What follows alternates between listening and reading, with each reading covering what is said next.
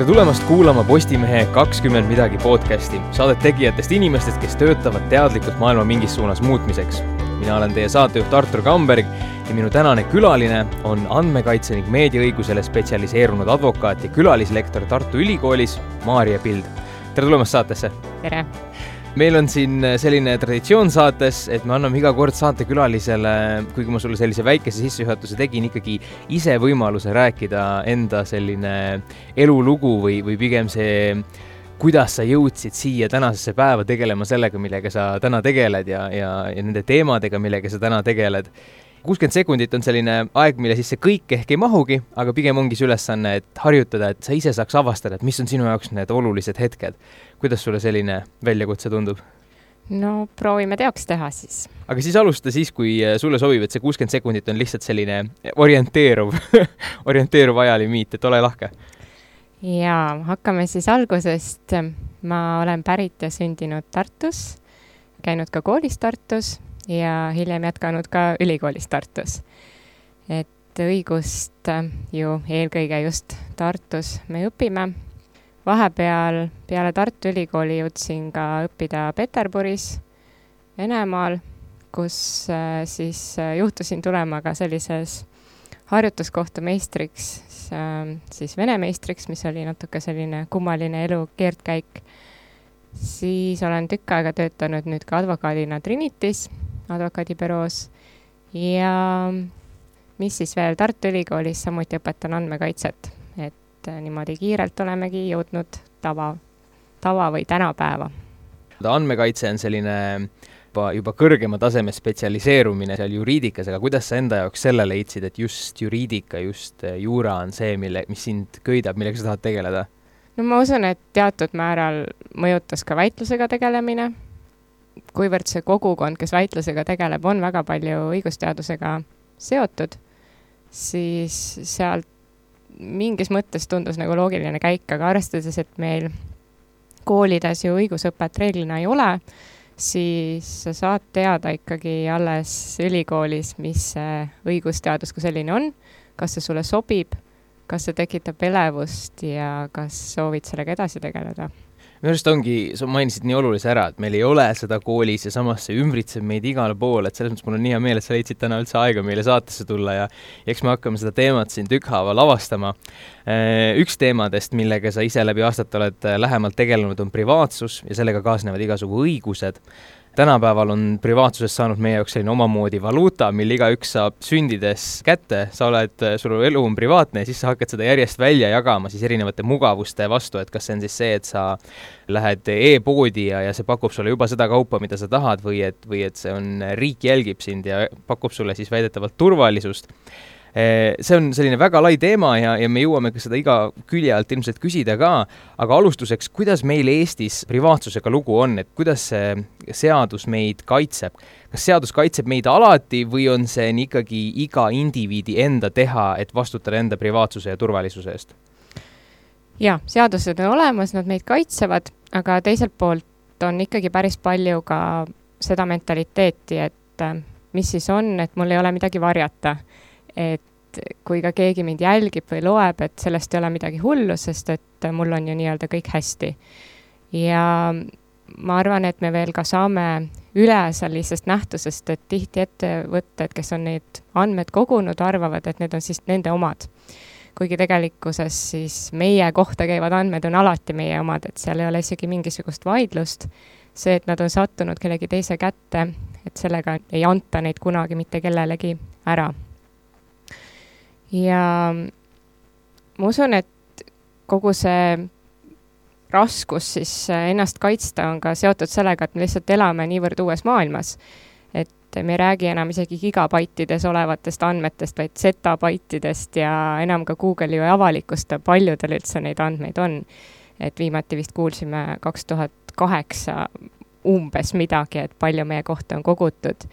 ja ka internetis on ju meeletu andmete liikumiskiirus, et veel kaks tuhat kaheksateist minutis näiteks Twitterisse postitati viissada tuhat tweet'i. Mm.. aga kindlasti nüüd on see veel suurem või siis viiskümmend tuhat postitust minutis Instagramis, jällegi ma usun, et see on suurem. et ma usun, et see ongi muutunud meie jaoks natuke ka hoomamatuks, et kui palju neid andmeid on, et arvestades internet sai ikkagi oma praegusel kujul alguse üheksakümnendatel, et seal on ka väga palju uut meie vestlust tänast siin ette valmistades ma lugesin erinevaid sinu artikleid, käisin ise ka Google'is ja, ja, ja surfasin ja, ja ühte artiklit lugesin sinu poolt siis äh, Äripäeva kodulehel ja, ja ma isegi ei mäleta, mis seal kirjas oli, ma lihtsalt registreerisin ära selle hetke, et mingisugune pop-up ilmus. ma panin lihtsalt, nõustun kinni, et kuule, mul on artikli lugemine pooleli ja ma reaalselt ei tea tegelikult, mis seal kirjas oli et kogu see selline internetiajastu ja see, et meil on pidevalt vaja nõustuda mingisuguste terms and conditions eh, dokumentidega, mis on kakskümmend lehekülge pikad, keegi ei viitsi neid lugeda, on ülivalt keerulised, need on tihtipeale sellises juriidilises keeles, mida ka tavainimene ei, ei, ei valda. ja siis meil tekibki selline refleks, et, et ah, mingi juriidiline tekst, ma viskan allkirja alla, nõus. et kas sa näed, et selline tendents väga hooletult kõigega nõustuda, mis meil netis tihtipeale on, on kandunud ka tänapäeva inimestega siia pärismaailma kaasa et võib-olla kui alustada üldse nendest pop-up idest, siis mõnes mõttes kurb ongi see, et ka me näeme neid pop-up'e ja neid nõustumise küsimisi nii palju, et need on tekitanud needsamad seadused, mis peaksid meid kaitsma. ja just sellepärast siis ettevõtted igal veebilehel kõige kohta küsivadki, mis nad võiksid teha. aga teiselt poolt ma arvan, et sul ongi täiesti õigus, et me ju vajutamegi lihtsasti, et jah, olen nõus sest need häirivad meid, me tahame jõuda selle sisuni. kuid äh, paradoks on natuke selles, et tegelikult samal ajal ka seadus ütleb, et kui meilt seda nõusolekut küsitakse, siis seda peaks küsima nii, et inimene saab aru, millele ta seda nõusolekut annab. aga üldreeglina inimesed ei viitsigi neid lugeda ja ma isegi ei kujuta ette, kuidas siis lõpuks lahendada see probleem, et inimesel oleks motivatsioon ja tahtmine, et need oleksid atraktiivsed. et ma tõesti loeksin läbi ja mind huvitaks. et see saab olema üks päris suur katsumus. alati on ka see tegelikult see linnukene pandud sinna, see väike kast, et ma olen lugenud ja mõistnud. et see on selline kuidas öelda, mida, ma, ma tõesti ka ei oska praegu nagu lahendust pakkuda, aga see on sul väga õigesti välja toodud, et see on mingisugune ilmselt murekoht, mis meil tuleb lähiaastatel yeah. lahendada. aga eelmise küsimuse juures sa mainisid seda, kuidas näiteks Google äh, andmeid kogub ja ma ise mäletan, et siin möödunud kevadel, suvel tulid äh, uudised, kuidas lekkisid andmepangad see oli kuskil mingi madalmaade ajakirjanikud minu arust avastasid selle, et siis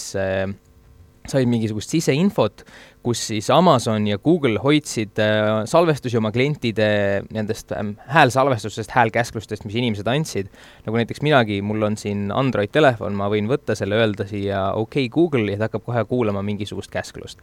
ja, ja nende salvestamise oli siis, nende salvestamine oli kuidagi legaalselt ära põhjendatud, et me kuulame selleks, et parandada klientide kogemust oi issand jumal ja, ja nüüd ma, kuna ma ütlesin ka okei okay, Google, siis mu telefon hakkas kuulama ja, ja andis mingisuguse vastuse et, et näha on nagu, nagu ma praegu ütlesin seda lihtsalt vestluse sees mm, -hmm. aga see mhm. tähendab, et ta kogu aeg kuulab mm. -hmm. ja ja mis selle nii-öelda, kus see skandaal seisnes, oli siis see, et avastati, et mitte kõik need salvestused ei olnud äh,, ei olnud siis aktiveeritud selle põhjal, et inimene andis loa selle häälkäsklusega ennast salvestada,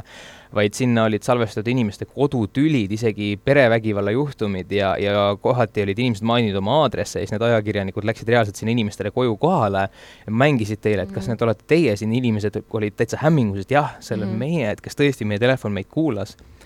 kuidas sellega on, kui ma installin mingisuguse äpi endale, annan loa end alati ja kogu aeg pealt kuulata, siis kas ma, kas nüüd tänu sellele minu rumalusele nii ongi, et ma olen loa ära andnud ja mind tohib pealt kuulata või on seadus kuidagi selle ka ära piiranud, et mil määral inimesed eh, iseendale jalga tulistada tohivad? jah, eks sa juba tõid välja päris mitu olulist asja et kui räägime lihtsalt sellest nõusolekust, siis jällegi tuleme tagasi selle juurde, et iga kord, et selleks, et nõusolek kehtiks, pidi inimene aru saama, et ta sellise nõusolekule üldse jah ütles. ja kui tagantjärgi hakatakse mõtlema, et ma elu sees pole näinud ega kuulnud isegi, et ma oleksin sellega nõustunud, siis järelikult on ettevõtja teinud midagi valesti. ja tal tuleks tõendada siis, et ei, et tegelikult näed, siin ja siin sa nägid väga selgelt ja said aru, mis on nii keeruline. aga teine punkt, mille sa ka välja tõid, et reeglina siis need kogujad, need andmete kogujad ei kasutagi selle õigusliku alusena siis seda nõusolekut, nad leiavadki mingi teise tee. et samamoodi ka praegu Facebookiga on selline skandaalne juhtum, kuidas nad praegu Austria kohtus põhjendavad siis, et meile reklaamide näitamiseks ei olegi neil nõusolekut vaja, sest me oleme väga teadlikult äh, kasutajatena äh, siis leppinud Facebookiga kokku, et meil on selline äh, siis ähm, reklaamide teenuse saamise leping et kui minagi mõtlema hakkan, siis ma väga täpselt ei mäleta, et ma oleks jube teadlikult väga soovinud neid reklaame saada aga nüüd me siis kuuleme sellest, et jah, vot nii on. muidugi kogu aeg räägime ka ju sellest, et jah, et need teenused on tasuta, et teatud lõivu ju peabki maksma ja nii edasi. aga teinekord tõenäoliselt see lõiv on isegi suurem, kui me oleks oodanud ja me kunagi lõpuni ei teagi siis, mis kogutakse, sest no ei ole ju saladus, et, et tihtipeale needsamad äh, suured gigandid ikkagi ka rikuvad meie õigusi ja saavad tihtipeale trahvi, et nii Google'i kui Facebooki puhul me oleme juba kuulnud miljonitest trahvidest. et ilmselt iga kord, kui mingit tehnoloogiat kasutada, siis äh, see, mis sinna sisse läheb, ei ole välistatud, et ka kuskil salvestatakse, et sellega tuleb arvestada ja alati leitakse mingisuguseid kavalaid trikke, kuidas ikka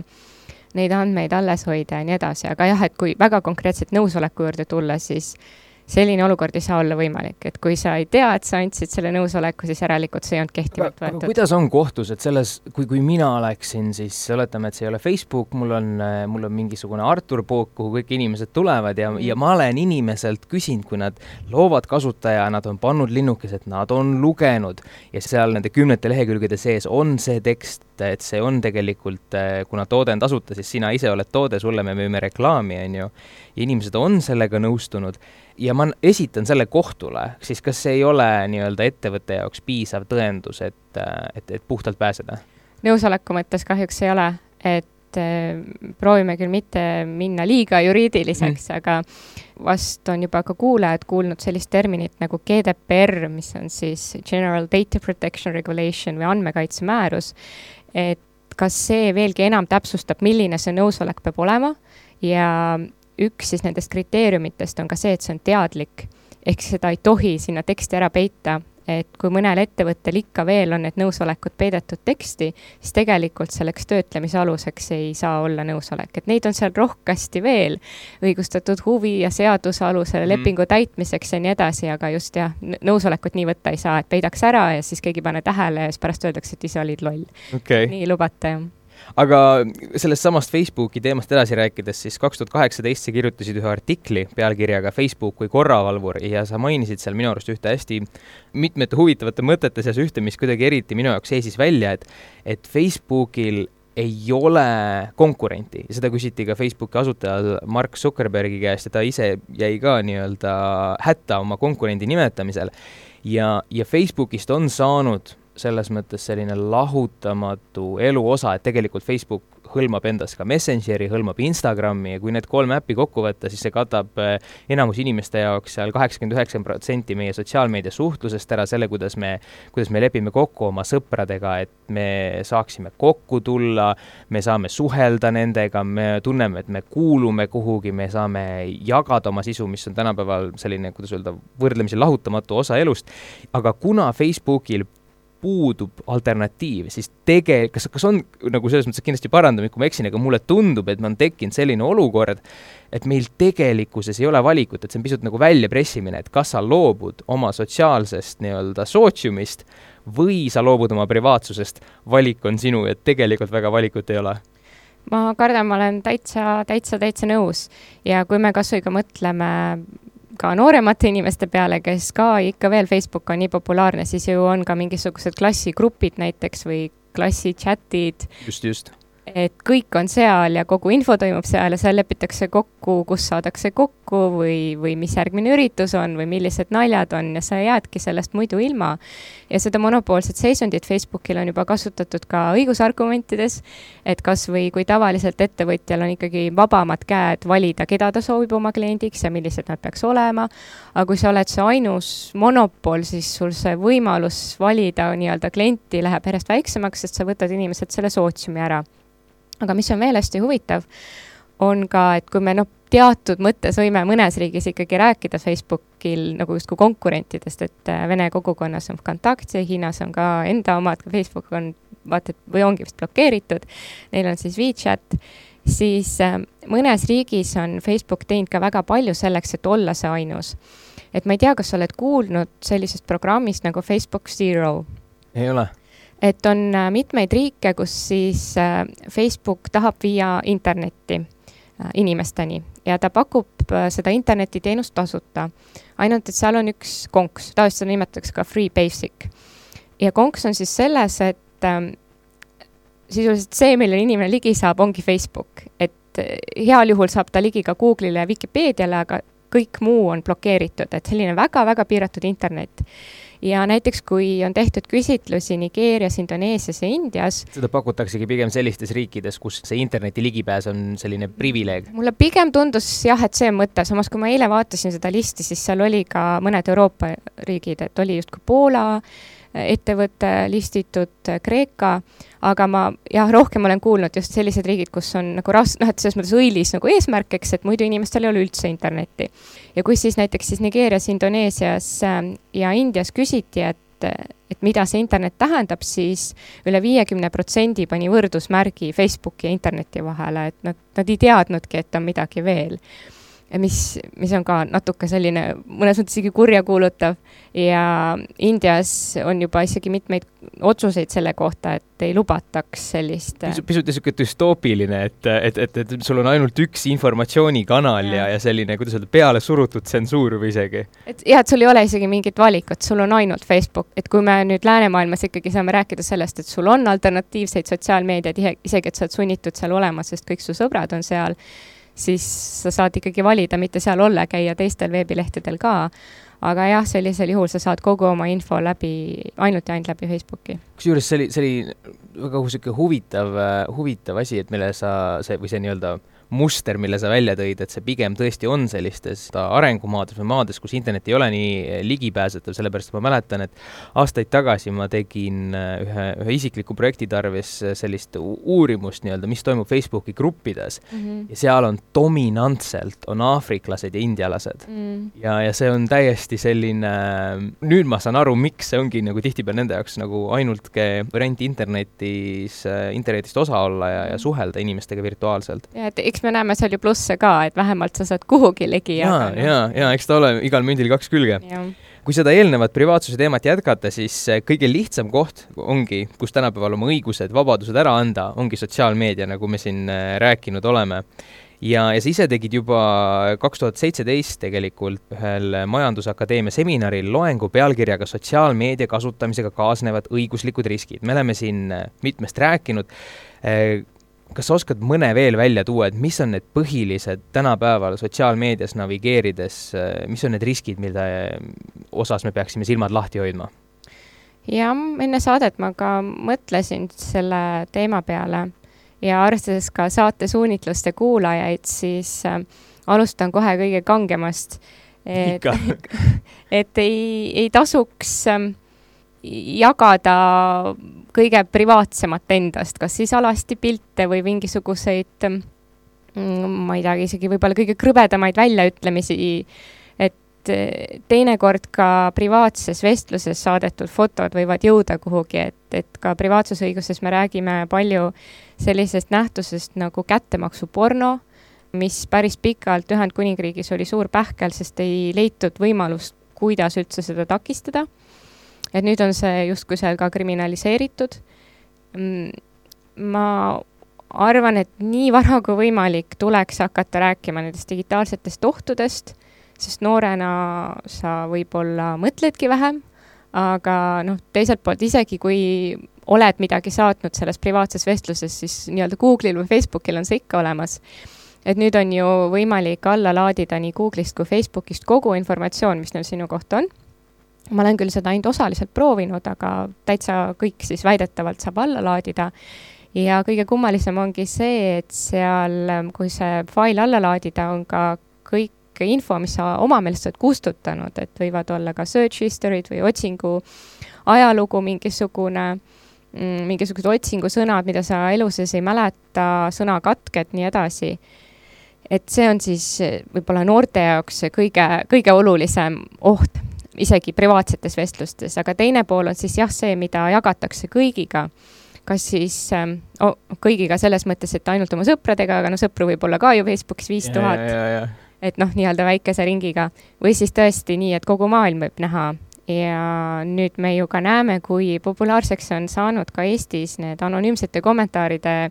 kohtuasjad, kus siis otsitaksegi üles arvuti IP aadress ja tulebki koju mingisugune nõue, et vot, et oled internetis öelnud nii ja nii ja maksa nii ja nii palju raha. ja hullemal juhul siis isegi minnakse kohtusse ja ka noh, muidugi kui juba alustatakse ettevõtlusega, siis tulevad ka autoriõiguste küsimused ja kuidas kellegi teise pilte kasutada ja nii edasi. ma tegelikult tahtsin selle juurde hiljem jõuda, aga kuna sa ise just mainisid selle ettevõtluse ära, siis arvestades seda, et suur osa meie kuulajaskonnast on sellised noored inimesed, kes siis ehk ka ühel päeval ise võivad tahta oma ettevõttega alustada, siis äh, üks asi, noh, kui mis iganes inimesed hakkavad äh, tarbima mingisugust ettevõtlusteemalist sisu, siis äh, alati korrutatakse, et sul peab olema hea idee, sul peab olema hea meeskond, sul peab olema hea raamatupidaja, aga mul on tunne, et, et selline asi, mille, mis tihti mööda vaadatakse, on see juura pool ja see, et sul peab olema ka hea jurist. räägi sinu kogemuste põhjal, kui oluline on ettevõtlusesse sisenedes õigusliku poole endale selgeks tegemine või siis, või siis kellegi kaasamine, kes on selle endale selgeks teinud?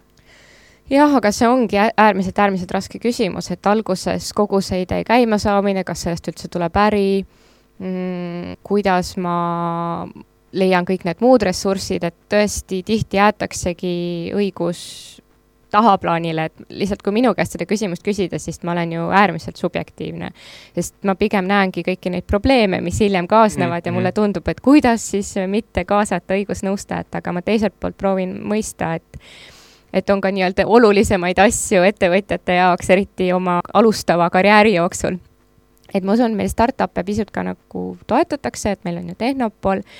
kes ka aitab ka rahastuse poole pealt, et see on niivõrd oluline. aga võib-olla, kui hakata mõtlema, et kus ennast kurssi viia või mis need valdkonnad on, siis kindlasti kõik, mis puudutab ähm, ettevõtte asutamisega seotud dokumente, natuke võiks tööõigust ja makse, et sealt ilmselt esimesena võib äh, mingisugune apsakas juhtuda, kui maksudega on probleemid. ja noh, kuna jällegi on need tegemist minu aladega, siis äh, ka intellektuaalne omand ja andmekaitsest ilmselt ei saa ikka mööda. et intellektuaalne omand, justkui te olete midagi loonud ja siis tuleb välja, et keegi kopeerib selle ja teeb kiiremini ja paremini, eriti mhm, võib-olla ka mingi mhm. suur ettevõte, siis ei olegi midagi teha et see on nii seotud ka selle ideega ja kõigega, mis te üldse mõtlete teha, et, et sealt ei saa mööda. aga andmekaitse poole pealt on ka viimasel ajal näha, et et investorid tihti enne, kui nad startup'i siis teevad otsuse investeerida, nad juba küsivad, et et kas te olete siis nii-öelda GDPR compliant, mis on meeletult suur teema. mis, mis see tähendab siis endast? GDPR, nagu me mainisime ka, on siis üldine andmekaitsemäärus ja jällegi noh, tõenäoliselt midagi, mida keegi vabatahtlikult lugeda ei taha, et see on seal üheksakümmend üheksa lehekülge ja veel Euroopa Liidust tulnud akt ka. aga no ideaalis siis peaks tähendama seda, et selle üheksakümne üheksa leheküljega on ettevõte vähemalt natuke kursis ja mingisugused põhi teemad on sealt tehtud ja. investor saab öösel rahulikult magada, et see, millesse ta on raha pannud, et see ei äh see ei kao tal ära. just, et kuidagi nähakse nüüd ka selles väga suurt riski, et no ilmselt need trahviähvardused aitavad kaasa, et varem ei saanud andmekaitse rikkumise eest äh, miljonites trahvi teha. no mitte, et väiksele kunagi sellist trahvi ilmselt ei määrata, aga ju on see nüüd põhjus, miks ka põhipaketti on tulnud andmekaitse juurde, ka alustada. see on, see on, see on väga oluline. Äh, see on kõik sellised asjad, mis puutuvad nii-öelda professionaalsesse tegevusse, äh, ettevõtlusesse, aga, aga selles mõttes, et, et enamus inimesi on ikkagi kuidas öelda, käivad, käivad palgatööl ja on, ja on tavakodanikud ja, ja, ja tegelikult ei ole ka nemad seadusest kuidagi lahus, et äh, reguleerivad ja ümbritsevad meid igas eluvaldkonnas, sõltumata sellest, kas me oleme neist üldse teadlikud või ei, olgu see siis kas mingi Netflixi tellimus, kõige lihtsam ost poes, et tegelikult see, see tšekk, mille me saame, see on leping ja allub ka reeglitele ja seadustele, aga ometi me ei mõtle sellest niimoodi kas on oluline, et me mõtleks sellest nii või, või äh, kas juura ongi selleks liiga keeruline, et seda võiks tavakodanik mõista ilma ülikoolis käimata? ma usun, et see kindlasti peab nii olema, et juura keerukused peaksid jääma kuhugi kabineti vaikusesse või juristide vahelisse vaidlusesse kohtusaalis. et meie elu ei tohiks kunagi muutuda nii keeruliseks, et meil on vaja vähemalt bakalaureusekraadi, et hakkama saada, et see ei ole enam mõistlik riik. see on siis nagu üle, ülereguleeritus, jah? no teistmoodi vist ei saa seda nimetada, et, et kuna ma, me oleme palju oma bürooga ka nõustanud meediaettevõtteid, et kasvõi me näeme seal, et kui mingisuguse artikli üle vaieldakse kohtus, siis tundub justkui kui vahel juristid siis hakkavad nõudma meedialt samasugust standardit nagu teistelt juristidelt, et sõnastused ja terminid kõik oleks äärmiselt täpsed. aga ajakirjanik ise ja ajakirjanikud kirjutavad ikkagi ju tavalistele inimestele, et, et seda ei tohi kunagi viia maksimumi ja öelda, et on kindlad terminid, mida me nii või naa peame kasutama või olema et ma väga loodan, et me ei jõua sinna, et, et teistmoodi ei saa elada mm. kui ainult bakalaureusekraadiga, jah kui vaadatagi mitte siis seda ettevõtluspoolt, aga lihtsalt me elame oma tavalist elu, mis on need ohud või suurimad augud, kuhu me lihtsalt oma sellise noh, me oleme teise ala inimesed, me oleme professionaalid, spetsialistid muudel aladel, mitte juures, mis on need sellised põhilised augud, kuhu inimesed kukuvad? Ma ei oskagi võib-olla lõpuni niimoodi selliseid häid auke välja tuua, et tavaliselt ikkagi need augud tekivad siis, kui inimene hakkab ettevõtlusega tegelema, sest siis on raha mängus ja siis hakkab kõiki kuidagi rohkem huvitama. ja teine pool ongi siis jah, just see, millest me juba pisut ka rääkisime, kui kedagi isiklikult siis solvatakse või avaldatakse mingisuguseid pilte nende kohta, et see võib tekitada jällegi huvi inimestes, et, et miks sa nii tegid ja kas ei ole mingisugust õiguslikku vastutust. et ma usun, et jah, aukudega me kohtume alles äh, ikkagi ettevõtluses, kui just äh, loodetavasti mitte politseis või, yeah, või kuskil mujal sarnases kohas. mul on endal üks mälestus gümnaasiumi ajast, et et kui mina veel gümnaasiumis käisin, siis ilmusid esimesed telefonid, millega sai selliseid arvestatava kvaliteediga siis telefonivideoid teha, niimoodi, et sa tundsid inimese ära ka, kes seal peal on ja, ja siis äh, ma ei tea, miks, kas see oli mingi laiemalt levinud, igatahes ma mäletan, et minu klassis oli selline nii-öelda, inimestel oli, oli tendents siis proovida mängida igasugu selliseid vimkasid või nagu inglise keeles öeldakse, prank'e teineteisele ja siis neid filmida ja siis sai teistele näidata, et ah, et vaata, kuidas ma selle ja selle vahele tõmbasin või midagi. ja siis sellel oli selline stampreaktsioon klassis meil et aa, et sa ei saa seda kuhugi üles panna, sa ei tohi seda kellelegi näidata, sest ma ei ole andnud luba ennast filmida ja mul ei ole halli aimu ka, kust see informatsioon või, või selline arusaam kogu nii-öelda klassini jõudis, aga, aga see tekitas minus küsimuse, et kas see tegelikult vastab ka tõele, et kui ma lähen netti, ma leian, et minu klassikaaslane on minust pannud üles video, mis mulle ei meeldi, kas mul on õiguslik alus nõuda seda maha võtta? on, absoluutselt sada protsenti, et äh, kes iganes andis teie klassile õigusnõu, andis väga õiget nõu. väga äge. just, et kõik, kõik on õige, et seal on isegi probleemkoht varjus, et teinekord inimesed siis mitte nalja või paha pärast, vaid kellegi aitamise pärast panevad üles äh, pilte või videosid, mida nad ei peaks, et näiteks meil on ju Facebookis ka sellised potentsiaalsed kurjategijad grupid, äh, kus siis öeldakse, et see või teine ah, ja, ja, ja, on okay. midagi mhm, teinud mm, -hmm. eks. aga samas ikkagi riigis on politseil ja riigil endal see kohustus öelda, et keegi on süüdi et, et see on väga tõsine, kui tuleb välja, et seal, eriti kui tuleb välja, et seal grupis on keegi siis postitatud pildiga, kes tegelikult ei ole üldse mingisuguse kuriteo või väiksema väärteoga või üldse väärteoga seotud. et kuidas sealt ei saagi välja tulla, ongi, ongi rikkumine, et et teinekord isegi kui ei ole nagu nalja tehtud, vaid tahad kedagi aidata, võib juhtuda, et et ei, nii ei saa, ei olegi õiguslikku alust seda teha. jah, sa lihtsalt teadmatusest nii-öelda satud sellisesse olukorda. just, kõik ei taha head. E, kui, äh, kui nii-öelda mitte, mitte tuua nagu vastuargumente, aga võib-olla sedasama teemat natukese sellise äh, kriitilisema või, või, või teise nurga alt vaadata, siis kaks tuhat seitseteist sa kirjutasid kaasautorina ühe artikli pealkirjaga kas inimeste privaatsus on päriselt ohus, kus siis sina ja kolleeg Karmen Turk äh, arutlete privaatsuse versus siis loomevabaduse küsimuse üle. ja üks, äh, üks, seal oli üks selline huvitav idee, et äh, nimelt, et vanas külaühiskonnas liikusidki jutud orgaaniliselt, liikusid suust suhu ja me saime sellega hakkama, et meist räägiti, meil ei, kui, kui Pearu ja Andres omavahel tülitsesid ja, ja siis Pearu oleks nii-öelda nagu, nagu raamatus kirjutati, perseli kukkunud sinna pori sisse kõrtsi ette, siis Andres oleks kindlasti kandnud hoolt, et see tohutult naljakas lugu oleks kõigi külameesteni jõudnud ja ükski seadus ei oleks teda kaitsnud. kõik said sellest, sellega hakkama, see oli Pearuule kindlasti ebameeldiv, aga ei midagi tõsist, lihtsalt ühiskonda kuulumise hind aga nüüd me oleme tänapäeval jõudnud sellisesse hetke, kus me, me nõuame nagu täielikku puutumatust, täielikku kaitstust ja õigust igasugune kriitika siis vihakõneks kuulutada. et see on, see, see kritiseerib meid, mul on õigus see lasta maha võtta ja, ja selle tulemusena on järjest enam näha, et, et hakkab ära kaduma või lämmatuma selline ühiskondlik dialoog probleemsetel teemadel. sellepärast, et, et kui sa soovid kedagi kritiseerida või osutada, et siin on murekoht, on probleemne koht, siis sa oled kohe automaatselt vihakõneleja. samas see on, see on nagu tõesti suur probleem, sellepärast et ühiskonnas tuleb rääkida probleemsetel teemadel selleks, et neid lahendada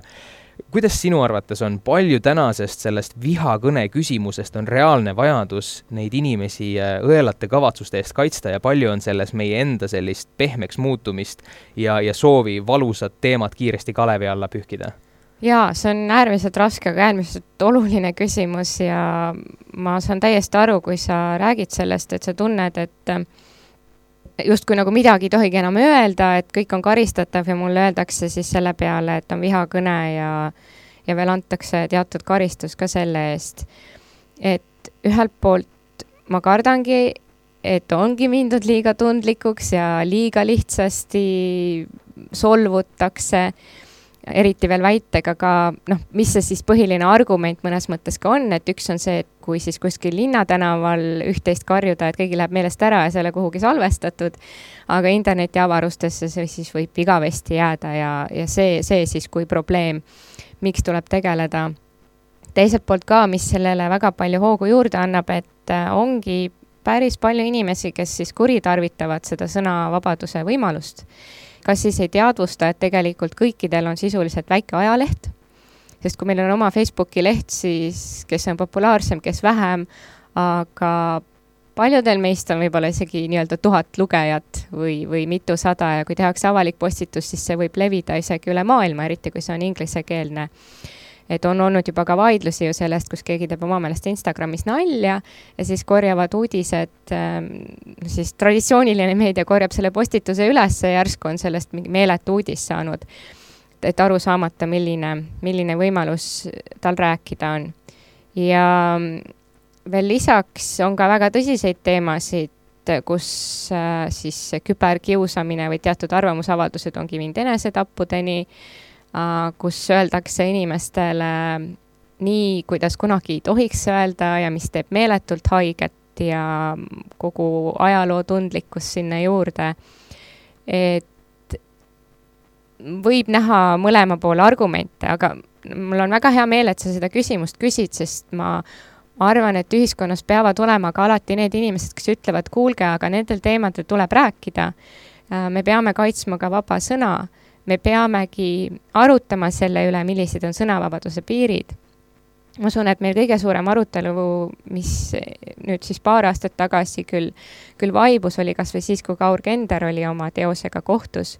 mis lõppes küll siis juriidilise nüansi kui jurisdiktsiooni küsimustes ära, et me seda sisuküsimust ei saanudki lahendada, aga tegelikult ju kui räigetest asjadest võib või ei või rääkida, et see on äärmiselt oluline ja kunagi keegi ei tohiks tunda, et talt on see vaba sõna täiesti ära võetud, aga muidugi ta vastutab selle eest. eks, eks ole, jah, see on selline mm,, ei ole, ei ole ühest head lahendust või vastust, et see on selline kahe teraga mõõk, et kohe, kui sa lood mõõga, millega kaitsta siis äh, inimesi, kelle, kelle järgi tõesti tulevad kurjade kavatsustega inimesed, siis võib keegi teine sedasama mõõka hoopis nende oma kurjade kavatsuste kaitseks kasutada üks äh, asi, mis meil kõigist nendest küsimustest on hästi palju läbi käinud, on see, et tihtipeale need äh, probleemikohad kerkivad just siis, kui meil puudub äh, selline arusaam, me ei mõista neid seadusi, me ei mõista seda juriidikat, me ei mõista selle tausta ja loogikat. Ja samas me ka nentisime siin, et päris sellisele maale ka ei saa minna, et igalühel on vaja bakalaureuse seadust selleks, et üldse siin elus hakkama saada aga kui rääkida nüüd sellisest mingisugusest vähe mõõdukamast lahendusest, kas sa arvad, et me võiks mingisuguse õigusõppe ka põhikooli või gümnaasiumi õppekavasse kaasata? no jällegi täiesti subjektiivne arvamus, et muidugi see võiks seal olla, aga eks see on vist meil kõigil, et kui me tunnistame, et oleme täiskasvanuks saanud, siis me küsime, et, et miks me ei õppinud maksude investeerimise õiguse kohta. Et teatud praktilised oskused oleksid ikkagi äärmiselt vajalikud ja sealhulgas ka seesama oskus aru saada, mis või natuke mõista, mis see õigus on kindlasti seal tekib ka küsimus, et kes hakkab seda õpetama, aga jättes praegu kogu selle praktilise poole, kuidas seda teostada kõrvale, siis ma usun, et see aine peaks keskenduma just terminitele, mm, sellele, kuidas suhelda erinevate riigiametitega mm, ja sellele, kuidas siis erinevaid seadusi leida. Et kui sa annad õpilastele selle võimaluse aru saada, mis on su õigused ja selle kohta teada, kust, kust üldse informatsiooni saada, mis on need allikad, et ma usun, et sellest oleks palju kasu, et päris süvaõpet ei olegi kindlasti mõtet koolis teha, aga vähemalt, et õpilane teaks täie kindlusega, et kui ma vaatan ühte või teist seadust, siis seal ongi äh, peaaegu et ammendavalt kõik reguleeritud ja kuidas see süsteem toimib, et milliste allikatega juristid töötavad, et kust siis praktiseeriv jurist oma teadmised saab. et kui tal juba see äh, Äh, tööriist oleks kätte antud, siis oleks nii palju kergem või vähemalt teaks argumenteerida, et oota, aga mina ju lugesin nii sealt ja sealt seadusest, et siis vähemalt selgitataks, miks siis on teisiti, kui on millestki vääralt või valesti aru saadud üks äh, tänuväärne lahendus, mida ma, mida ma ise kogesin, oli, oli selline, et meil oli üks, äh, üks ajaloo- ja ühiskonnaõpetaja koolis, kes ise äh, valutas südant sellepärast, et kuidas need äh, lapsed seal maailmas hakkama saavad ja siis omal initsiatiivil äh, tegi kolm sellist nii-öelda, ma ei mäleta, mis see oli, kümme, üksteist, kaksteist klass, tegi sellised kolm tundi, kus ühes tunnis meil käiski keegi inimene, ma ei mäleta, kas juuraalalt keegi käis, aga käis üks ettevõtja, rääkis meile rahast, rääkis maksudest, rääkis kogu sellest loogikast. minu arust see oleks täiesti selline, kuidas öelda, praeguste ressursside juures tehtav mm, -hmm. et et, et inimestel on võimalik tulla, olla mentor üheks päevaks ja rääkida sellest teemast, mida nad teavad, et, et mingi selline lahendus, ma ise, ise lihtsalt näen selle oma, oma, oma eeskuju põhjal. seda vabadust kindlasti õpetajatel on, et kutsuda omale eksperte rääkima. Mm -hmm. mis puutub siis äh, privaatsuse piiramisse, siis enamus neid suuri jälgimisi ja, ja, ja jälgimiste rakendamisi ja, ja privaatsuse kärpeid tehakse just selle õigustuse all, siis äh, riikide poolt eelkõige, et see on inimeste enda kaitseks. see on kas siis ter-, terrorismi ennetamiseks, kurjategijate märkamiseks, väljasõelumiseks ja nii edasi ja nii edasi. palju seal on sinu arust seda reaalset motiivi ja palju seal on seda, et see on tegelikult ettekääne? ideaalses korralikus õigusriigis ikka seda ettekäänet ei ole ja nii ongi, sest ähm, miks ka siis tuuakse alati see ettekääne, on see, et see, seal on see kohustus see tuua. et lihtsalt niisama privaatsusõigust nagu ka paljusid teisi põhiõigusi ei tohi piirata. ainult siis vastukaaluks konkreetsetele õigustele ja see võibki olla siis riigi või inimese turvalisus. aga teiselt poolt, kui näha siis seda probleemi seal, et kas me lähme ülekäte, siis ähm, loodetavasti me õigusriigis ei jõua kunagi sinna, sest kui me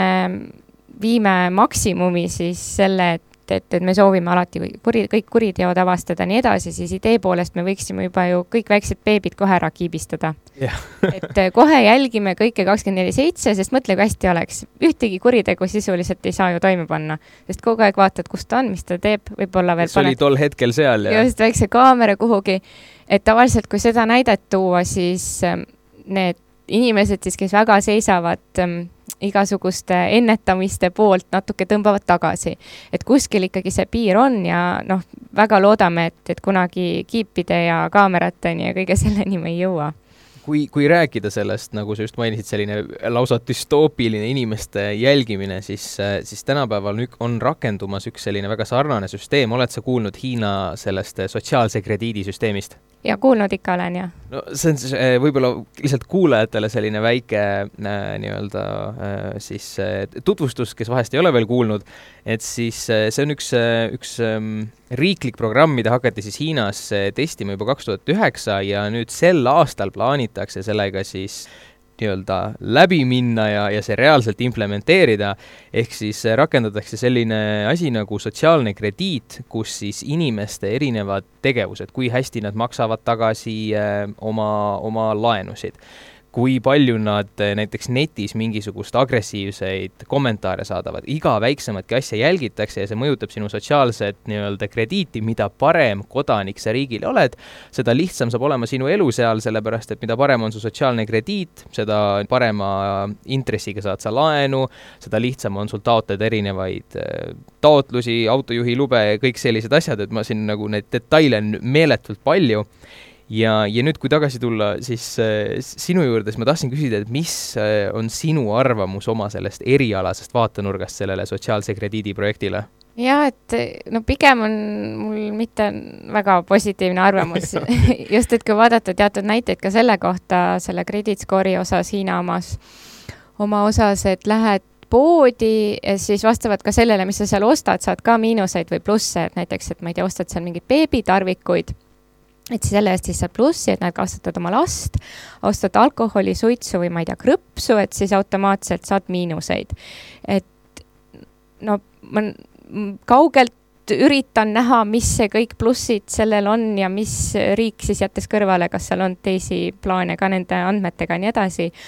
aga mind nagu hirmutab ka see, et inimestelt võetakse üldse ära õigus midagi valesti teha. see mõjutab su elu nii palju, kui sul see skoor langeb et mis siis, kui sa tahad üks õhtu süüa neid krõpse või ma ei tea, teha suitsu või võib-olla isegi juua alkoholi ja nii edasi või teha muid vigu. et nii hullusti karistatakse sind selle eest, et ja tehakse kõik, et sa seda ei teeks. et sellises ühiskonnas kindlasti ei taha elada. ja ka muidugi see ei sobi ka ma usun, privaatsusväärtustega ja kõigi väärtustega, mis meil on lääne ühiskonnas ja ma väga kardan, et ka kuidagi seadustega see hästi kokku ei lähe. aga teiselt poolt, eks on välja toodud, et eh, sarnaseid, noh, väiksemal tasandil süsteeme on ju ka lääneriikides, et ka USA-s on see credit score'i süsteem, mis ka väga palju otsustab, et kuidas sa laenu saad ja kas üldse saad ja millise intressiga ja nii edasi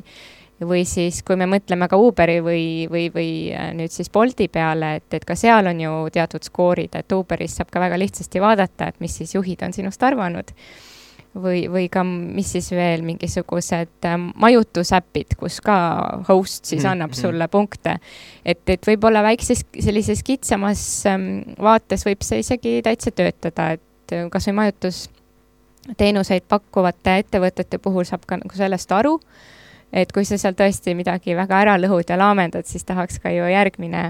järgmine majutaja sellest teada. aga sellises laiemas vaates äh, tundub ikka nagu minevat jälle liiga kaugele. ja eks see, eks see kõik on selline tasakaalu küsimus, et ma näen ka seda, et selles mõttes, mida vähem inimene teeb suitsu, joob alkoholi ja sööb krõpsu, et seda väiksem kulu on riigile nii-öelda mm. sotsiaalhoolekandes ja, ja, ja igasugu meditsiinikulutuste näol, et, et, et see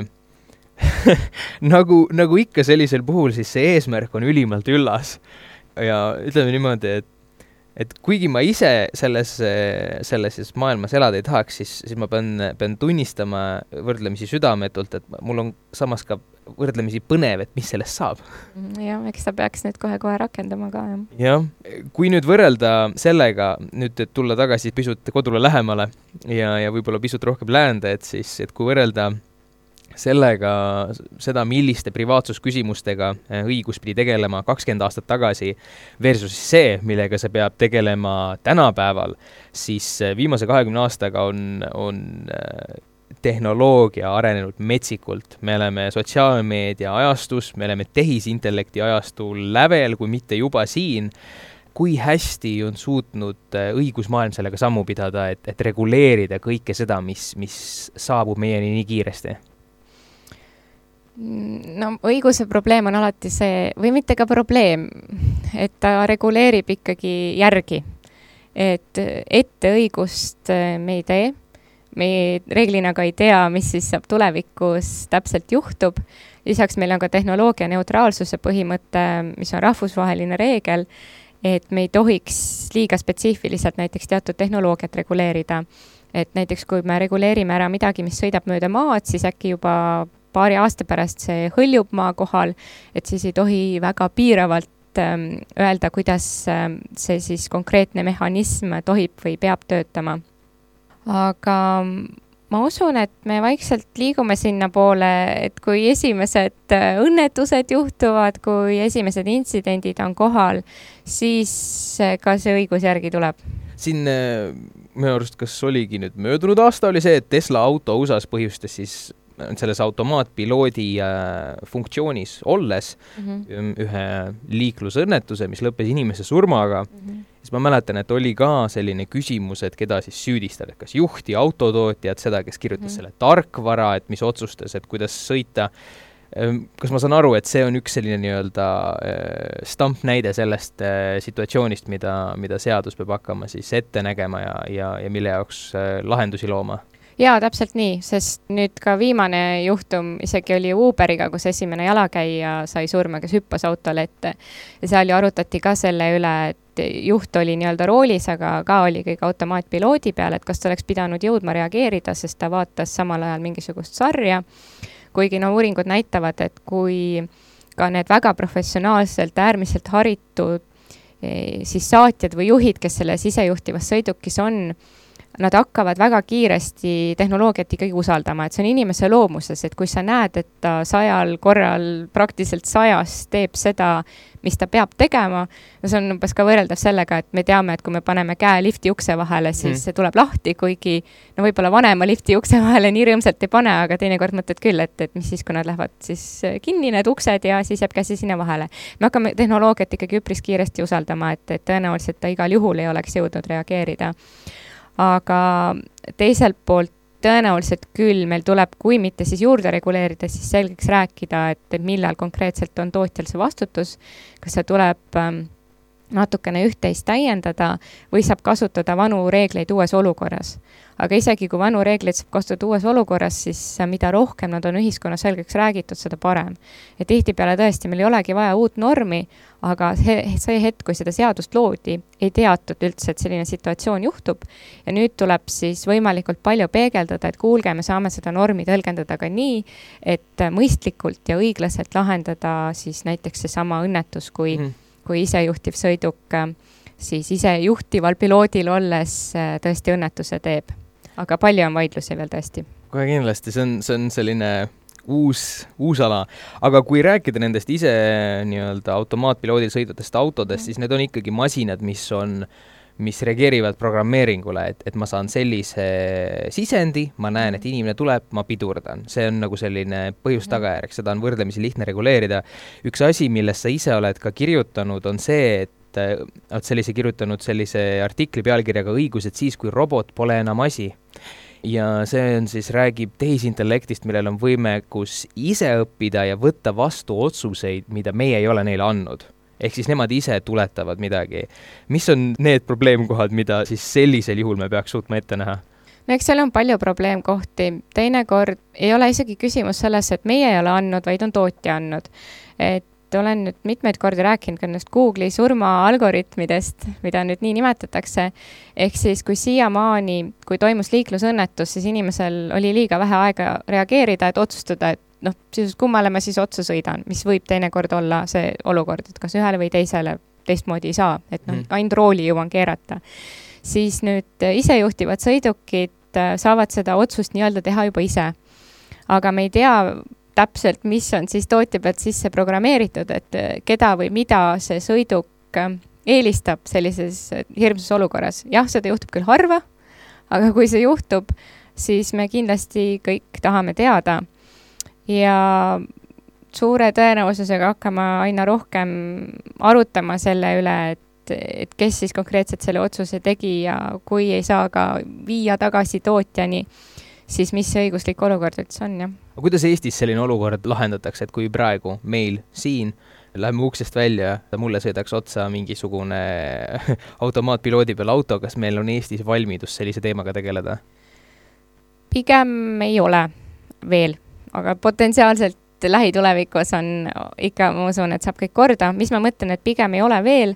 on siis see, et praegu reguleerib olukorda liiklusseadus ja ta ei võta arvesse seda mitte kuidagi, et see automaatpiloot oli peal. et ikkagi juht on see, kes on roolis, juht on juht ja seda, et automaatpiloot siis nii-öelda ka juhtis, seda meil seadus ei võimalda arvestada, et see oli siis juhi otsus juhtida selle piloodi abil nii-öelda. Ja kui see mm, automaatne isejuhtivusfunktsioon teeb mõne vea, siis seda tõlgendatakse juhi veana hetkel, jah kui rääkida nüüd nendest masinatest, mis võivad ise õppida ja, ja võivad seetõttu õppida tegema ka lahendusi, mida meie võib-olla ise ei ole neile üldse andnudki, nagu eesti keeles te olete siin ka kutsunud seda korduvalt kratiks, väga leidlikult. kui nüüd selline tehisintellekt saab järjest, kuidas öelda, reaalsemaks ja kohalolevamaks osaks meie elust, kuidas seda õiguslikult peaks kohtlema, kas tehisintellekt peaks olema võrdne inimesega, samavõrra vastutav, samasuguste õigustega või on siin mingisuguseid paremaid lahendusi, mis on ka laual nii-öelda ja arutatakse? ma usun, et selleni, et saaks võrdseks inimesega, me ei jõua. seda põhjusel, et me siiamaani lõpuni ei tea, kas on mingi hetk võimalik luua tehnoloogiat, millel on teadvus, tunded, emotsioonid kas on teda võimalus karistada, kuigi juba on selliseid artikleid olemas sellest, et kas sisuliselt, kas robotid saab vangi panna ja nii edasi. aga me ei ole sinna veel jõudnud ja meil puuduvad tegelikult ka vahendid, et kontrollida, kas kellelgi on teadvus, sest me ei mõista seda, me ei tea, võib-olla juba järgmine aasta me teame. aga hetkel meil on väga raske seda kontrollida, räägitakse küll Turingi testist, mis siis peaks äh,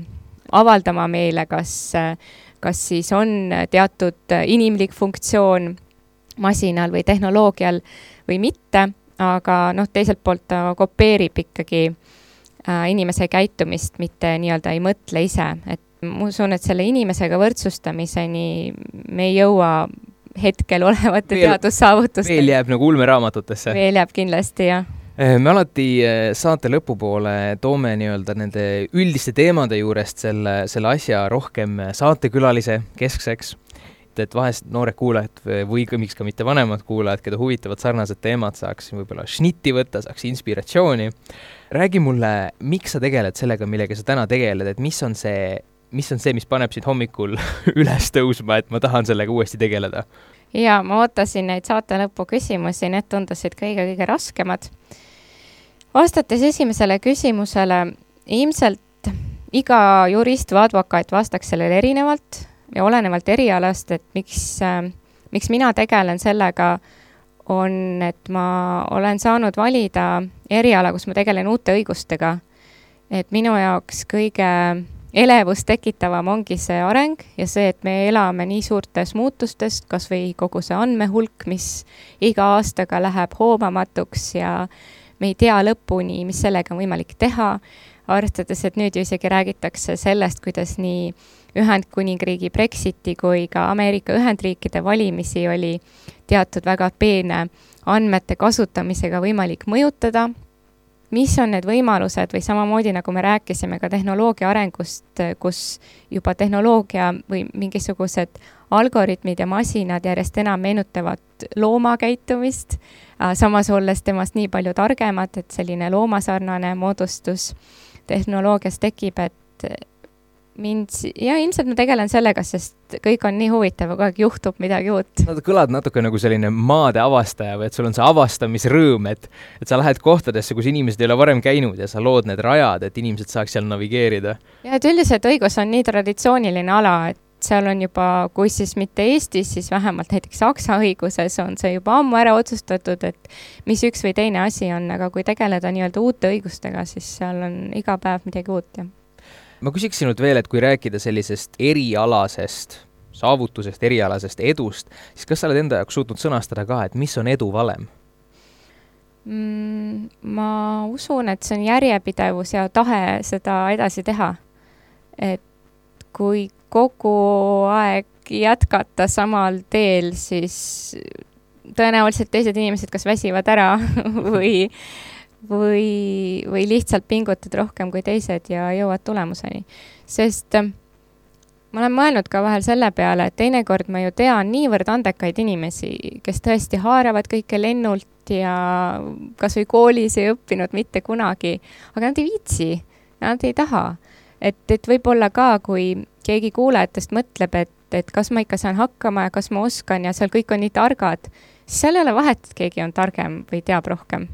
et kui sa tahad, siis sa saad ja seal ei ole üldse oluline, kui tark sa oled. peaasi, et sa edasi pingutad lõpuks sa ikkagi tead rohkem, sest sa oled rohkem tööd teinud minu enda jaoks lihtsalt äh, selline hästi oluline äh, nii-öelda punkt, mille ma siit välja püüdsin, oligi see, see järjepidevus, ma mäletan, et teatud vanusel oli minul endal see tendents, et aga see on ka ju tore, aga see on ka ju tore ja siis sa ühel hetkel oledki kõiges algajal tasemel ja mitte milleski nii-öelda äh, märkimisväärsele